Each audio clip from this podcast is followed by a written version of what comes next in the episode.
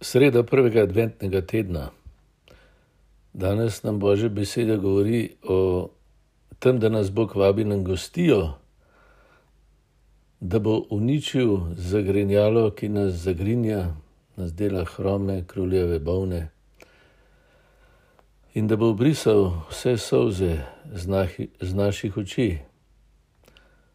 To je eh, tisto, kar potem v Evangeliju dejansko opiše, v Jezusu se to zgodi.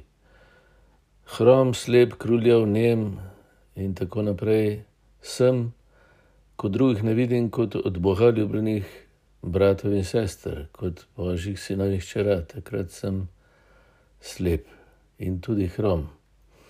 Ko se bojim zase, ko se vrtim samo okrog sebe, ko hočem rešiti svoje življenje, eh, takrat sem gobo, ga izgubljam. Uh,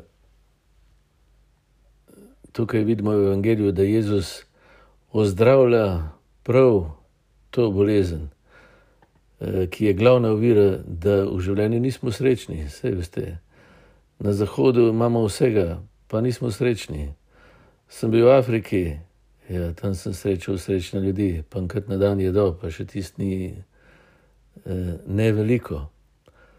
Tako da to je, se mi zdi, prva točka. Evangelij nas vabi, da se pustimo zdraviti. Eh, potem, ko začnemo Jezusu zaupati in upati van, upamo namreč lahko samo, kadar vidimo, da še ni tega, kar bi radi. Ne? Eh, starš upa, da bo otrok naredil šolo, pa jo še ni naredil, pa tako naprej. Tukaj pa v kaj upamo, česar še ne vidimo, je, da, je Bog, da nas je Bog že rešil, da smo že sinovi, da je naše življenje že izpolnjeno, da je to zagrenjalo smrti že odpravljeno. To je upanje, ki ga še ne vidimo.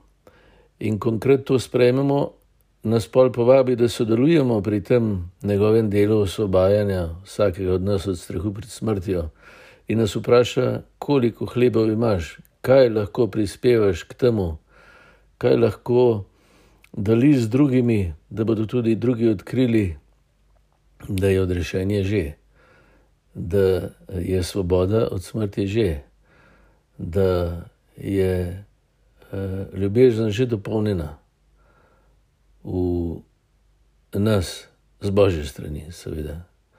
In da je to treba samo sprejemati. No, k temu smo povabljeni, nas vključuje v svoje delo za nas, da to delimo z drugimi. In to mislim, da je spodbuda današnje božje besede. Pa želim blagoslovljen dan.